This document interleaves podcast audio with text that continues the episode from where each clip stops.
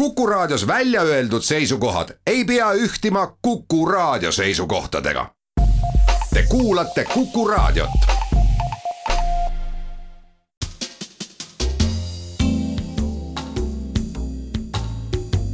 tarkade klubi tere taas, Kuku raadio Tarkade klubi tervitab häid kuulajaid kalendrisuve viimasel laupäeval, kui iga piisk, ka see, mis täna pilvedesse kinni jäänud, annab sünoptiliselt mõista paratamatut asjaolu, et kurepesad on tühjad, aidad head ja paremat täis, puudelehed veel kirjumad, kui nad nädala eest olid.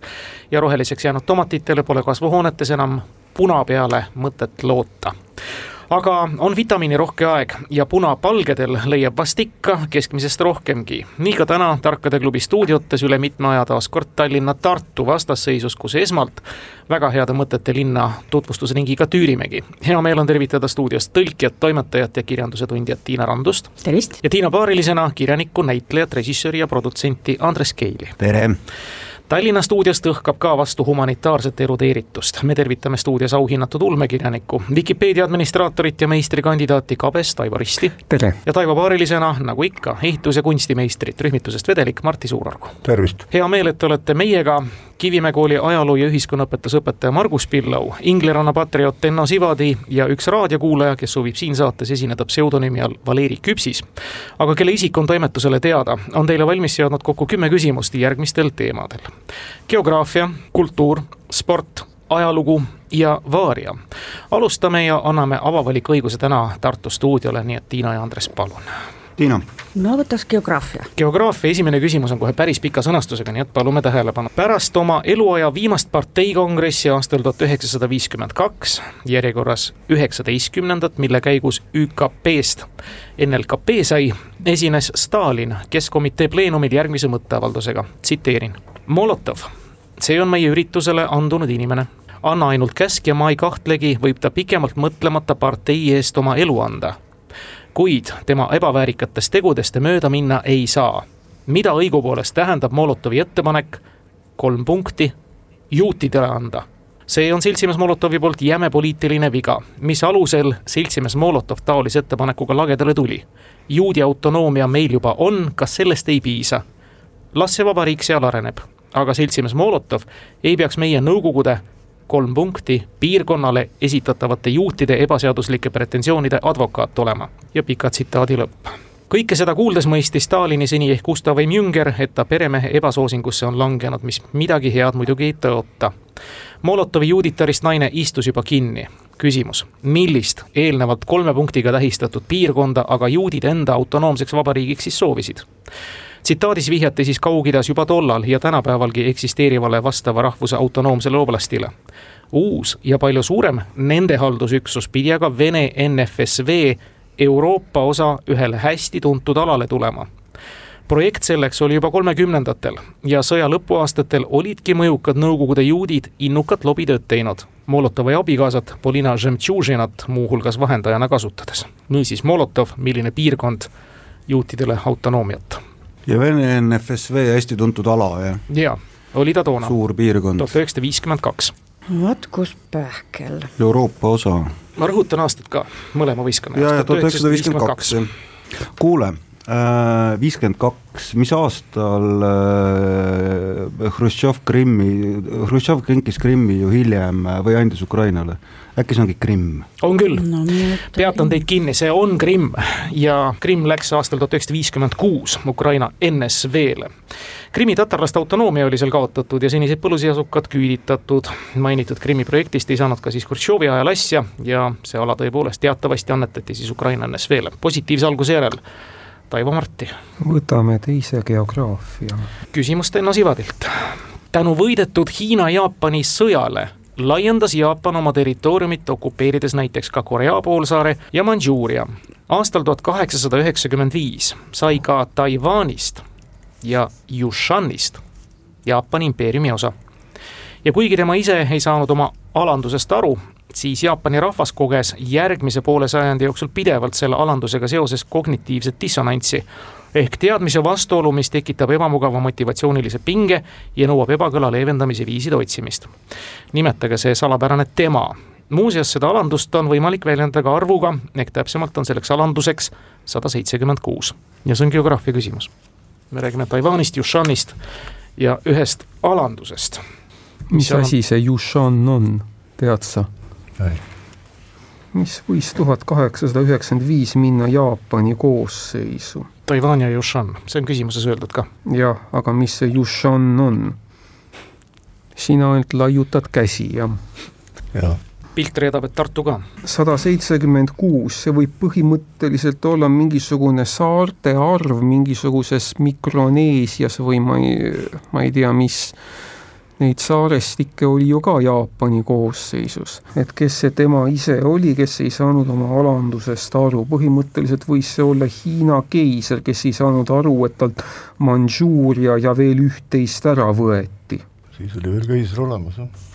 aa, oli keiser olemas. Vene tsaar see vist ei olnud või oli? Nojah, vaata ei tea, mis see, mis see Yushan oli, aga Lõuna-Kuriilid ja Lõuna-Sahhalin võisid minna Jaapani koosseisu pärast Vene-Jaapani sõda. siin on praegu Hiina-Jaapani sõda. jaa. kas seal Hiina, Hiinale kuulus veel mingit territooriumi rohkem? no Hiinale kuulus ju tohutu palju territooriume, see oli üks maailma kõige suurematest riikidest, siiamaale on see saarte arv? Pole kindel, et see sada seitsekümmend kuus on saarte arv. ma kardan, et ka meie ei saa siin oma alandusest väga aru. me võime ju pakkuda, et see tema ise oli Hiina keiser, oled sa nõus niisuguse pakkumisega? pakume Hiina keisrit ja Hiina keiser oli ka kindlasti alandatud, aga me ei küsi teda vastusena, palun. no aga kui Hiina keiser pole õige, äkki siis on Jaapani keiser? Ei oota, kas, ei siin, ei oot, oot, oot, oot, siin, siin on mingisugune nagu Hiinale läksid Jaapani alad. vastupidi. Jaapani, ja, ja just, just, Jaapani läksid nii, Jaapani rahvast, kas usuga kuidagi no, järsku tõepoolest on kuidagi seotud usulise konfliktiga. aga see tema isa ise ei saa olla Buda ju näiteks, või mis see järsku Konfutsius. jah aga noh, jaa, aga noh, Konfutsius saab ju kõigest aru, eks. aga kas me arvame, et võis olla tegemist usuga või? siis võiks proovida leida siit nagu sõnastuse või oota, aga Dalai-laama, no mis see siia puutub? ei puutu minu meelest, üldse jääb segaseks, kes on alandatud. no eks see saab ülendatud mingi hetk, aga aga see täi-, see on ikkagi nagu krüptika kõrgpilotaaž ja see vastus on tunduvalt lihtsam, kui, kui me arvame, ma julgen arvata. oskad sa midagigi öelda? üks tee, kuspoole mul mõte läks, oli see, et, et järsku oli tegemist niisuguse pürrose võiduga ja et see sada seitsekümmend kuus on mingisugune asi, mis läks selle võidu käes käigus kaotsi aga kas sada seitsekümmend kuus ei ole kuidagi budismiga seotud number või? aga, või siis üks, vaata kognitiivne dissonants, eks ole, et noh, et äh, äkki läks nagu Jaapanile midagi, mis nagu võikski nagu nagunii Jaapan olla, saad aru mm? -hmm. ikka ei lähe tuluka põlema. kuigi tema ise seda alandust ei talunud, talus rahvas, oli nii, jah? ei tajunud. ei tajunud, talus rahvas, eks? just mm. -hmm ütle sina, kas Buda või Dalai-laama ja lähme edasi, sest, sest noh, siit ei, ma, jaa. äkki Jaapanis olid selleks ajaks veel mõned needsamusedki terrakota sõdalased, samuraid. samuraid ja rooninid mängus äkki kuidagipidi sel ajal veel ei no kindlasti olid. aga järsku pärast seda enam ei olnud. no aga nelikümmend viis, mõtle äh, no te, me räägime tuhat kaheksasada ja, ja aga poole sajandi jooksul, et see, et see nagu see alanduse talumine no kuni sõja lõpuni, järgmise sõja ja. lõpuni käis mürgel. see on oluline, see tuhat üheksasada nelikümmend viis. siis järelikult sõjaga lõppes siis ära see või? jah, sada seitsekümmend kuus samuraid äh... ma kardan, et sada seitsekümmend kuus samuraid olid viiekümne aasta pärast kõik surnud nojah mis teed me lähme, kas me lähme sõda, sõdalase teed mööda või me läheme usuteed mööda no,? ükskõik, mis teed me lähme, ikka on see tema ise, miskit ta sai või miskit ta kaotas. aga kas see Ameerikaga kuidagi ei saa seotud olla? no see jääb vast äkki õige kaugele. täiesti tume ja see on geograafia küsimus, Fuji õige, Fuji, Fuji muidugi, see salapärane, tema oli jaapanlaste pühamägi Fuji. Ehk Fujisan, kasutatud ka nime Fujiyama. Yushan oli võlusõna, Yushan on Taiwan'i kõrgeim mägi, mis osutus kõrgemaks kui Fuji. Ja jaapanlased, kes olid aastasadu elanud teadmisega, et nende kõrgeim mägi on Fuji, pidid elama nüüd teadmisega, et Jaapani kõrgeim mägi on Yushan, sada seitsekümmend kuus meetrit kõrgem kui seda oli Fuji. selline krüptika oli peidus, tubli Keil. Kaks-null Tartu kasuks ja te saate ka valida geograafia, väga raske, aga tulutoov on läinud noh, kultuurs või, või sport. meil on veel teemasid. no jaa, aga ajalugu ja vaaria, noh, ma, noh, ma ei tea uh,. võtame selle. ennast täna paremini tunned? täna, tänase, tänase. sul tundub täna hästi minevat? ilmaga ma tunnen ennast jube sportlikult. Lähme spordi peale ja kas tead, Keil, alati kui sa valid spordi, tuleb ju jalgpall, jah. õige hiljuti on möödunud kakskümmend aastat mitmestki nukrast tähtpäevast. metanoolitragöödia Pärnumaal, terroriaktid Manhattanil, Pennsylvanias ja Virginias. Nende mainitute kõrval leidis kaks dekaadi tagasi suve teisel poolel ka üht-teist rõõmsamat aset kolmeteistkümnendal augustil kaks tuhat üks näiteks avati Feltins Arena see on ühtlasi koduväljakuks veel hiljuti samuti oma maa kõrgliigas mänginud peamiselt Gazpromi spondeeritavale jalgpalliklubile, mis neljandal mail tuhat üheksasada neli on asutatud. Spordiga suhteliselt pinnapealsematki kursis olevale tähelepanelikule kuulajale peaks antud küsimus loogiliselt vastatav olema Feltins. aga mis küsimus oli? et mis klubi, Gazprom, ma arvan, et me läheme Inglise jalgpalli kõrgliigasse. mis need variandid on, Chelsea on variant ja Abramovitš oota, kas Manchester City vist on araablased ikkagi, aga Chelsea on küll kindlasti. mis klubi on nii vana, et üheksasada? tuhat üheksasada, ei no see on Briti puhtalt, ei no ta võib ka mingi Türgi klubi olla või noh, ta, ta võib olla mis iganes. ahah, mängis hiljuti oma maa kõrgliigas, see tähendab, et see ei ole Chelsea ja mida tähendab see vihje, et peaks olema spordiga pinna, ehk siis sulle, vabandust, peaks see olema lihtsasti lahti hammustatav. ma muidugi ei tea Premier League'ist sugugi mitte nii palju, et et teada, kes seal on nagu kukkunud siis kõrgliigast ära, ma ei tea, kas Aston Villa äkki kukkus välja või, või noh, Lester on kas Gazprom äh, rahastab äkki veel kuskil midagi? no igasuguseid asju jah, aga noh, jalka Veltins mm. -hmm. Mm -hmm. no see läheb Läti poole. Läti ja Gazprom on äkki Ventspils või?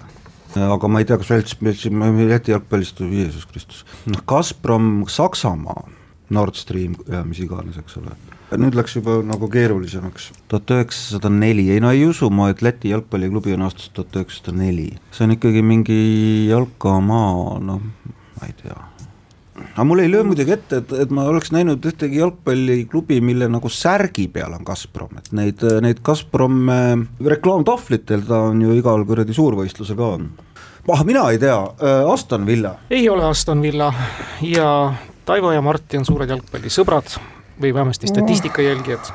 noh vähemalt suutsin ma välja mõelda need kolm klubi, mis eelmisel aastal Inglise kõrgliigast välja kukkusid Need olid VBA, Fulham ja Norwich ning neist kaks esimest, äh, Fulham ja West Bromwich, äh, praegu juhivad äh, seda championship'i kindla kavatsusega tagasi Premier League'i jõuda, aga ma miskipärast arvan, et need ei ole Inglismaa klubid.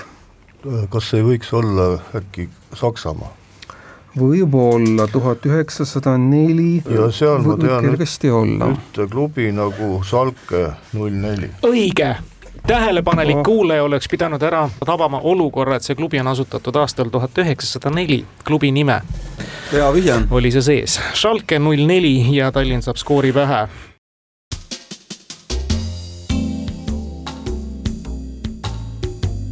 tarkade klubi Martti Suurorg, Taivo Rist üks ning Andres Keil, Tiina Randus kaks. jätkame, te saate teema valida. võtame teise spordi. ja nüüd siis kuulaja Valeri Küpsis, tegelik nimi toimetusele teada. numbri küsimusi ei küsita mälumängudes ülemäära palju ja põhjusega ei küsita, sest neid loetakse reeglina lihtsalt halvaks, kui tegemist just ei ole põhjendatud numbri või aastaarvu küsimisega. me võtame nüüd ühe riski ja küsime seda nooleviske skoori kutsutakse inglisekeelses maailmas bed and breakfast ehk majutusteenuses tuntud mõiste voodi ja hommikuse söögiga. nimetatakse nõnda seetõttu, et küsitav skoor jagatuna kaheks eraldi numbriks ja rahaühikuks ehk siis shillinguks ja penniks oligi Anglo-Ameerika maades standardne hind seda tüüpi teenusele meie poolt küsitavat skoori on kõige lihtsam ka tartsis ehk noolemängus tüüpolukorras ehk kolme noolega saavutada, sest suurima võimaliku punktisumma sektori naabrustes on just sellised, millega meie küsitav skoor kokku tuleb. niisiis, mis numbrit me küsime? luulemängus, mida kutsutakse Bed and Breakfast. vastake nüüd ruttu valesti ära.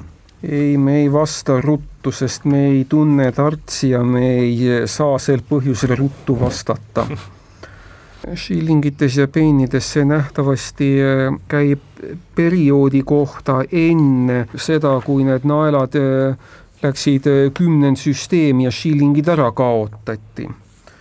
Kas sina oled Tartsi mänginud? olen küll, aga praegu tule kuidagi silmade ette. seal on vist kaks varianti või? missugused kaks varianti? Mul praegu see ketastab ette, et ühel pool on mingi ringidega ja teisel pool on no küsimuses oli vihje sees, et sektorid. sektoritega jah, see sektorit on nagu vähem mängitud, kaksteist peaks seal nagu kuskil sees olema. aga mul on tunne, et vastuseks on kahekohaline arv. kaksteist on väga kahekohaline arv. on küll, aga seda oot-oot-oot, kas oli öeldud, et seda tulemust saab kolme noolega saavutada? kuule mis on äh, maksimum, mida nooleviske saab kolme noolega saavutada? kolmkümmend vist. kolmkümmend. ja kõige väiksem sektor oli vist neli või? muidugi, kui mööda viskad, siis ei saa vist üldse midagi. nojah. nojah sõltub, kui kaugele mööda mismoodi siis äh, kolme noolega seda saavutada, sinna keskele kümme ja kummalegi poole ka neli ja neli, see on kokku kaheksateist kas nii või, või mida sa mõtlesid? ma ei tea. kas sa pidasid silmas niisugust olukorda, et äh, mingisugune sektor on seal äh, kümme ja sellest ühel pool on sektor, mille tabamise eest saab neli ja teisel pool on ka sektor, mille tabamise eest saab neli. kas sa seda mõtlesid või? ei no ma mõtlesin niimoodi, et kolm, kolm tükki viskad sellesse nõrka sektorisse või teine variant, et viskad kolm tükki tugevas, kõige tugevamasse sektorisse nii, sinu hinnangul, kui kolm tükki kõige tugevamasse sektorisse saad, siis on tulemuseks kolmkümmend, aga mul on tunne, et õige vastus siin nulliga ei lõpe. mis numbrit sa pakud siis? ma ei tea, kaheksateist või? me ei tea, pakume kaheksateist. ei ole õige vastus ja nüüd Tartu tartsimeistrid, palun sellega on nii, et sul on käes kolm noolt ja sa viskad esimese noole kahekümnesse ja see on väga ilus algus. ja siis sa eksid vasakule ja viskad teise noole viite, mõtled, ah pole hullu, jõuan parandada. ja siis eksid paremale poole ja viskad ühte, mis teeb kokku siis kaks shillingit ja kuus penni. kõik õige ja selle küsimusega ollakse väga kodus, nii nagu ka Tartsi mänguga ja tundub, et seda tunnet on vist varasemalt Andres Kill ka korduvalt kogenud. kakskümmend kuus on õige. küll, jah öömaja koos hommikussöögiga maksis tõepoolest aastaid Anglo-Ameerika maades kaks naela ja kuus penni ja noolemängus siis kõrgem punktisumma number kakskümmend ääristatud viie ja ühega, kolmas punkt Tartule. me läheme edasi, Andres ja Tiina no võtame selle kultuuri vastu. nii, tuleva aasta esimesel märtsil saab sada kümme aastat päevast, mil tollase haldusjaotuse järgi Pihkva kubermangu Panikovitši vallas Lõhkovo külas sündis abielupaar Vassilile ja Kseniale poeg Timofei. käesoleva aasta kevadel möödus kümme aastat sellest, kui mainitud Timofei, kes nooruses oma kutsumuse kohaselt õigeusu preestriks sai, peaaegu sajaaastasena meie hulgast lahkus. mitte enam Pihkvamaal, vaid juba mere taga. tema kolmest lapsest kaks on kuulsaks saanud. Öelge tema perekonnanimi mm -hmm.. õigeusu preester kolme lapsega. Elas peaaegu sajaaastaseks mm. -hmm. oota, millal ta siis sündis? Mm, no sündis esimesel märtsil tuhat üheksasada kakskümmend kaks. kaksteist. kaksteist jah, ja suri siis kevadel, oli üksteist või? okei, üheksakümne üheksa aastaselt mere taga. kus mere taga? Ameerikas no kus nad veel saab õigeusu preestrina tegutseda, eeldusel, et, et kui ta sinna mere taha läks näiteks sõjajalust ära, siis noh, Rootsist ta tõenäoliselt vist väga ei tegutsenud, ega see see on kultuuri küsimus ja meil on vaja mõelda kahele kuulsale kultuurnikule, kelle äh, Pole on... öeldud, et kultuurnik. kultuuri küsimus on see, kahele kuulsale kultuurnikule, kelle isa on õigeusu preester ja kes ise on siis praegu ütleme seitsmekümneaastased jämedalt. no aga need muidugi need lapsed ei pruugi ka elus olla, ütleme, et need lapsed on siis sündinud äh, kõige varem ütleme kolmkümmend kaks ja kõige hiljem ütleme viiskümmend kaks. neljakümnendad tegelikult mm,. äkki, kas me otsime näitlejaid äkki? mu sisetunne ütleb, et me otsime mingeid Hollywoodi näitlejaid, kahte venda või venda õde kellel on vene miks, miks see sisetunne sul midagi sellist ütleb? ma ei tea, see Lõõkova, kuidas selle Aissaka Simoviga oli? kuna tema siin, tema viidi ju ka kuidagi kohvris Nõukogude Liidust välja, aga kas tal oli õde või venda? ei ole kuulnud, et keegi tähtis tegelane oleks äh, Asimov õde või vend.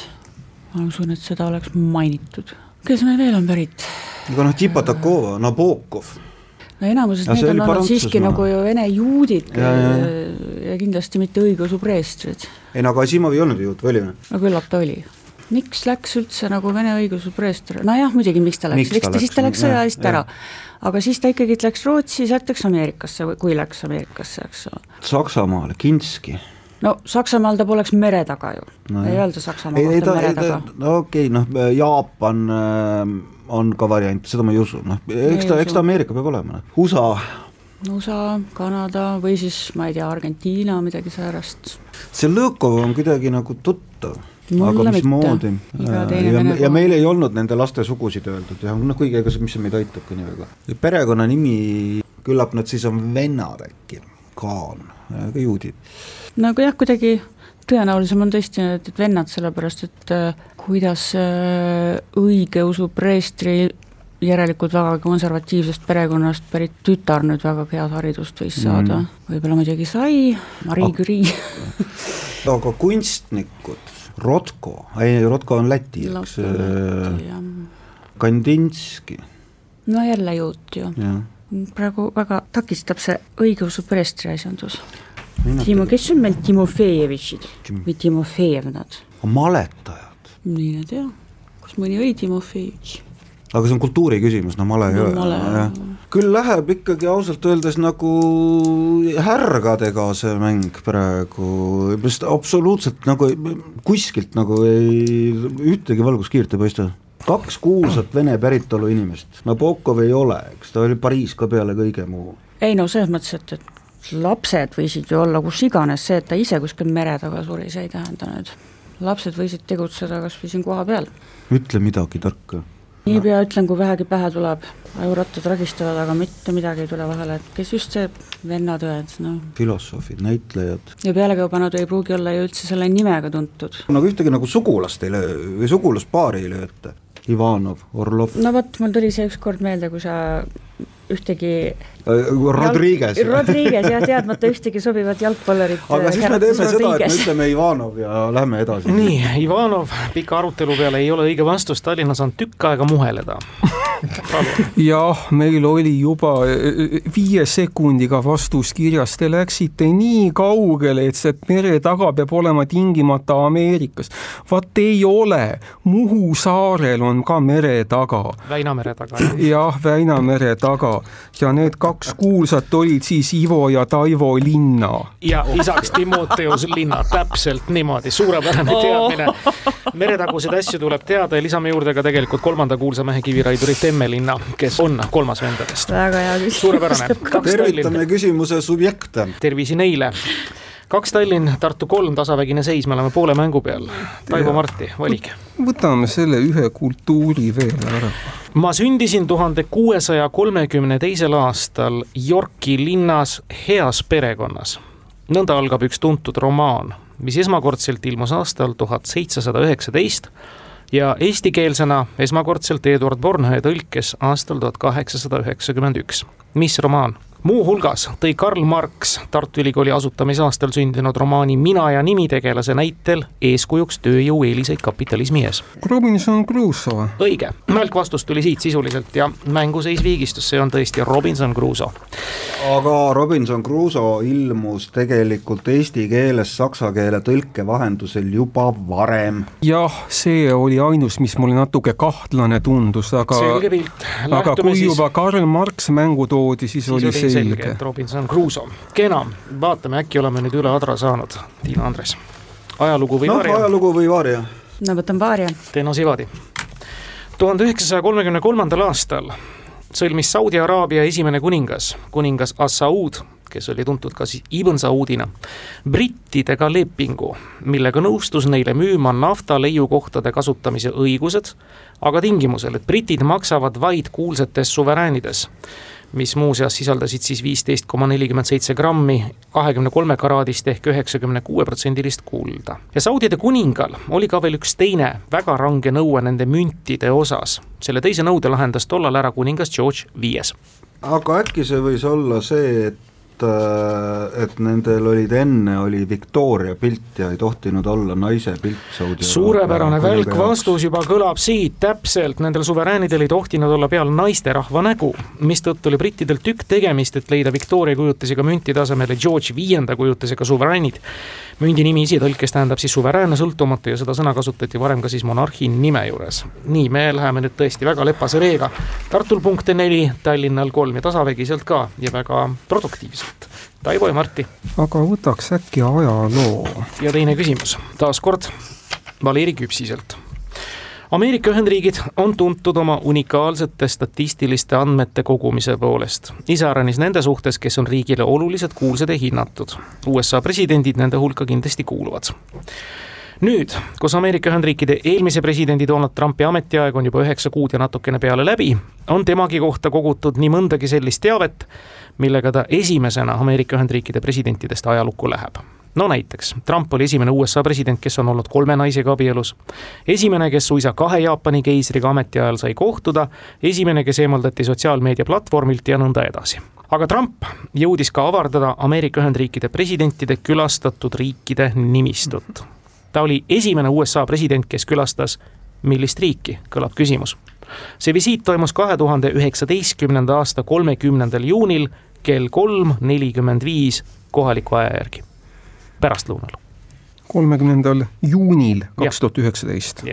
no miks see kellaaeg nii täpne siin on? ei, mina ei tea, kolm nelikümmend viis ei ole ju eh, kohaliku aja järgi mingi normaalne kellaaeg. see on ju keset ööd. ei, ei, see on ikka pärastlõuna. pärastlõuna. ja viisteist nelikümmend viis. viisteist nelikümmend viis, see on hoopis ise asi muidugi ega see oluliselt kergemaks nüüd asja ei tee. ah soo, eh, viisteist nelikümmend viis, see on nähtavasti saabumise aeg.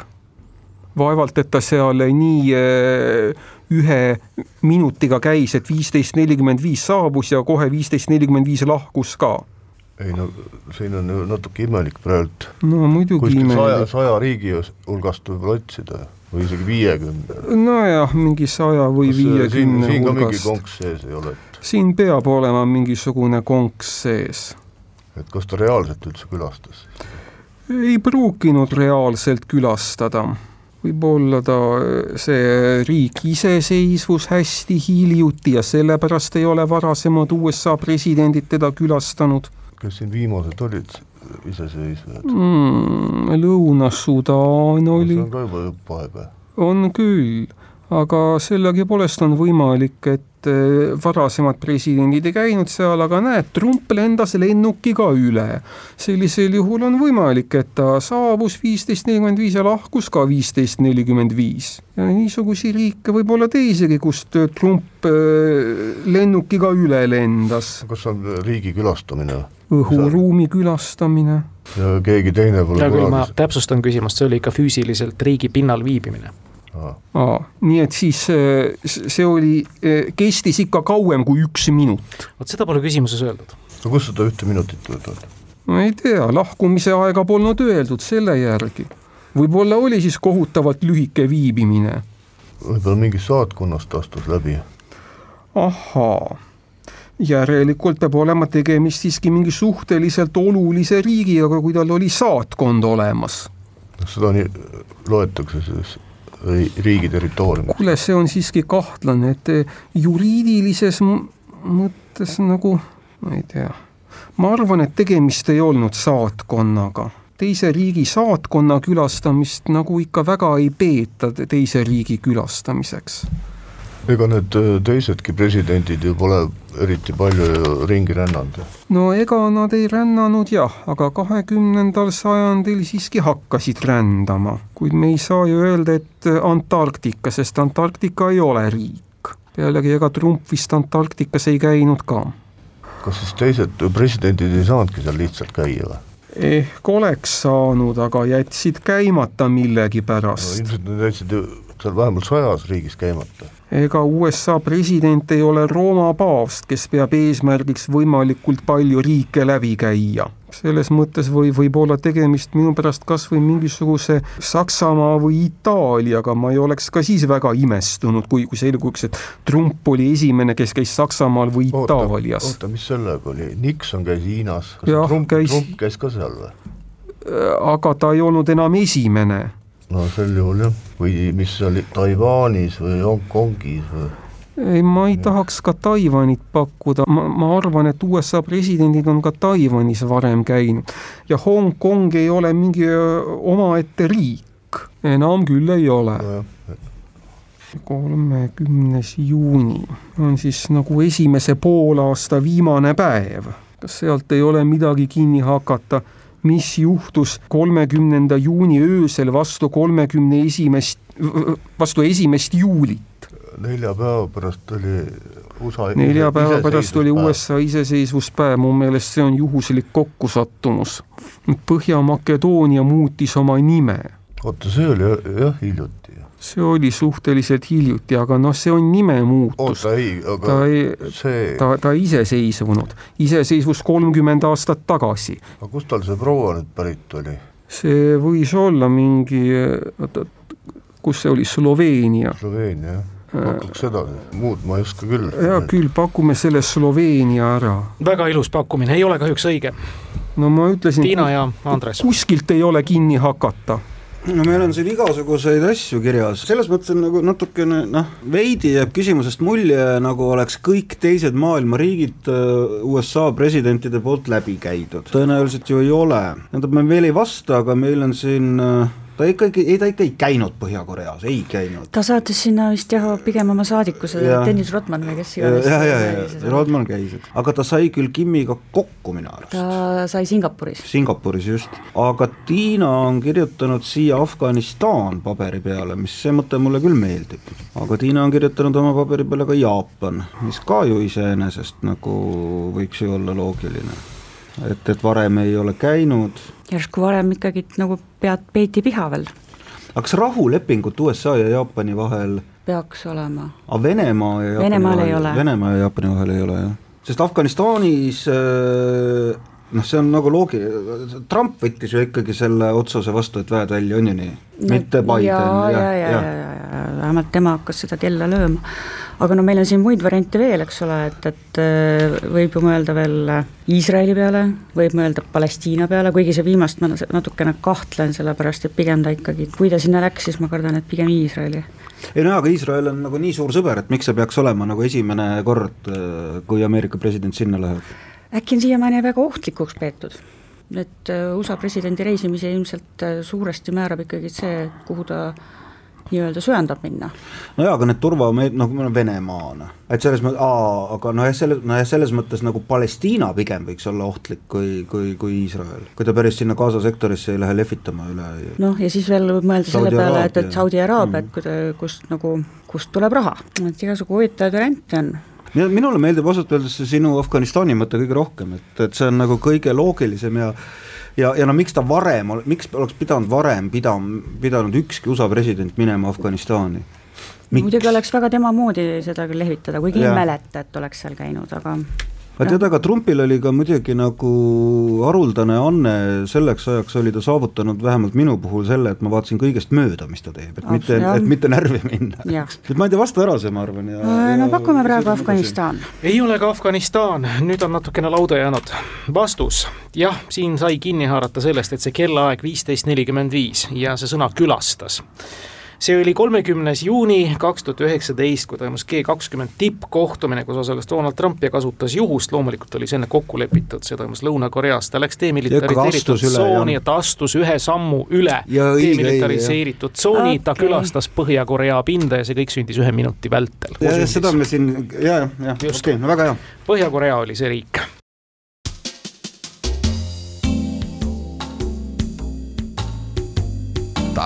Tarkade klubi me läheme nüüd Vaariaga edasi ja Vaaria küsimused jäävad tänast mängu lõpetama. esimest küsimust saab kuulda Tartu, olles neli-kolm eduseisus. Eesti Haridus- ja Teadusministeerium on vene keelde tõlgitud kui Ministerstva obrazovanja i nauki nii on see ametlikes dokumentides ja ka siinsete vene inimeste igapäevakõnepruugis, lühemas versioonis lihtsalt min obrazovanje. Vene Föderatsiooni valitsuse struktuuri kuulub teiste hulgas samuti Ministerstva nauki i võšava obrazovanje ehk teaduse ja kõrghariduse ministeerium. niisiis näeme, et sõna haridus on vastavates nimedes loogiliselt esindatud, nii nagu enamuses maailmas inglisekeelse vastega education kuid üldharidusega tegelevale ministeeriumile on vene kultuuriruumis enamuse ajast üks eelnenust erinev ja eriline nimi olnud. muuhulgas meilgi Eesti NSV ajal ja Venemaal ofitsiaalselt ehk ametlikult ka tänapäeval. mis sõnaga või mõistega on neil üldhariduse ametkonna nimes sõna haridus asendatud?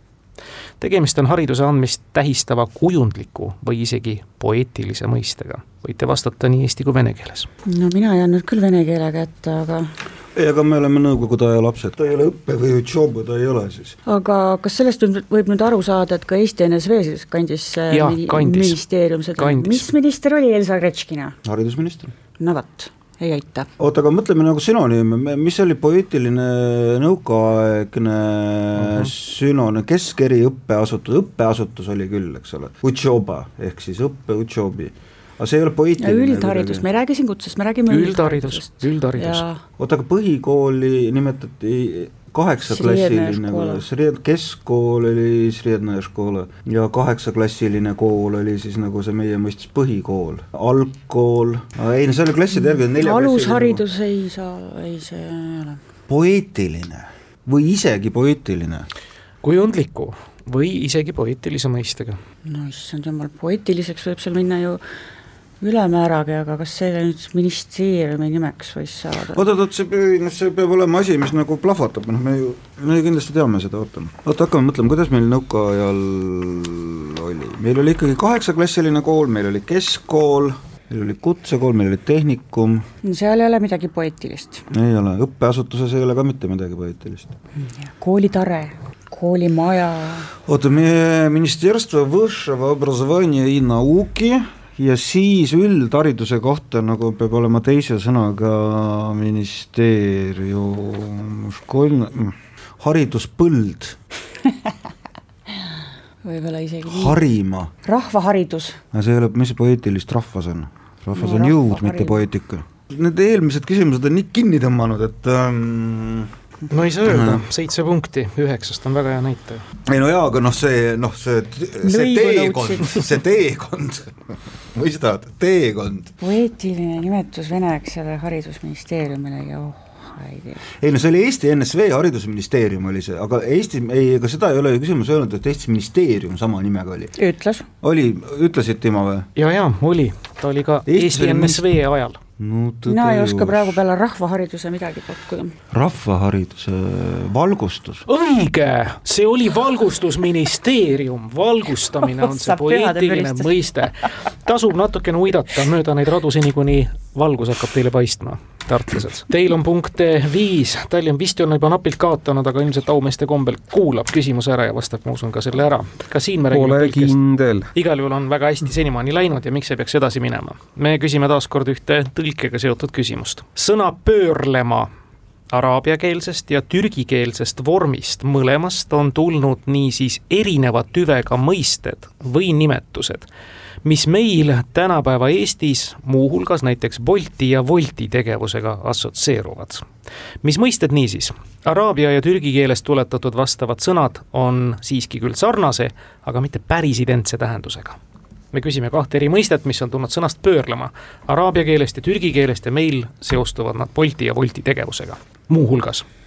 ma küll ei näe, kuid ma, ma, ma tunnen, kuidas pöörleb neil seal. ei pöörle mul esialgu veel midagi, mis on siis Bolt äh, Drive? kuid drive tuleb ju ingliskeelsest sõnast.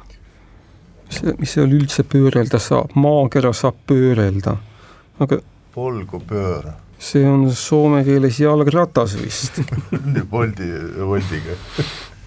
aga kõik need füüsikaalased terminid pöörlemise kohta, need ei tule ju araabia ja türgi keelest, need tulevad Euroopa keeltest. Araabia keelest on palju asju tulnud ju. kust karussell tuleb? ei tea ma ei tea, siin peaks olema nagu kaks paralleelset nimetust sama asja kohta. Kui ei tule, me võime ju pakkuda karusselli. ega ma siin muidugi ma... no vaat oota, mis see Wolt ja Bolt karusselliga teevad? mitte midagi ei tee ma mõtlen, et ah. peale, peale neid ei ole vast isegi nagu mõtet karusselli peale minna. meil seostuvad need Bolti ja Woltiga kas tegemist on mingisuguse kohviga või? Bolti ja Wolti kullerid ju toovad igasugust sööki rahvale koju, võib-olla kohvi toovad ka, võib-olla on kohv, võib-olla pakuks seda. ja teine on tee või? aa, oota, kas küsitakse üht või kaht sõna? kaht sõna. kaht sõna, oi. kohv ja karussell? ei, siis karusselli ei paku, sinna kõrvale ei ole teist sõna panna. või pakuks siiski kohvi ja tee kui lähemalt eh, vaadata neid kohvisorte, need, need on ju itaaliakeelsete nimedega. no see karussell on ka sealt. no araabika on ikkagi suhteliselt mitte itaaliakeelne nimi. jah, aga ma pidasin silmas, et näiteks cappuccino ja latte ja need pakume siis kohv ja tee. ei ole kahjuks õige vastus, lõpetate tänase vahva mängu kolme punkti peal ja võiduima start, Tiina Andres. no esimene mõte on kuller, eks ole, üheks sõnaks. mis sul seal on kirjas?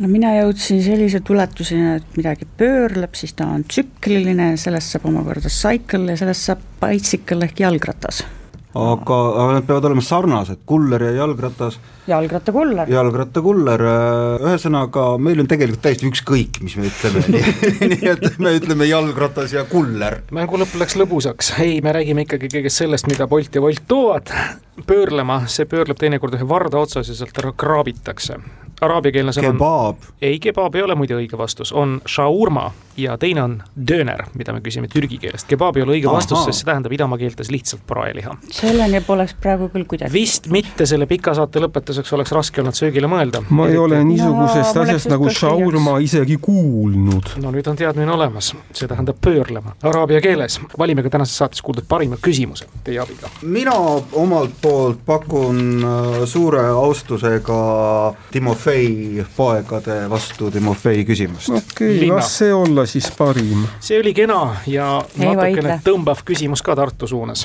küll mindi kaugele. igal juhul see on Margus Pillau küsimus, ehk siis Timoteus Linna ja tema pojad. aitäh teile veel kord, Tiina Andres Tartusse, aitäh, Raivo Marti Tallinnasse, kuulmiseni.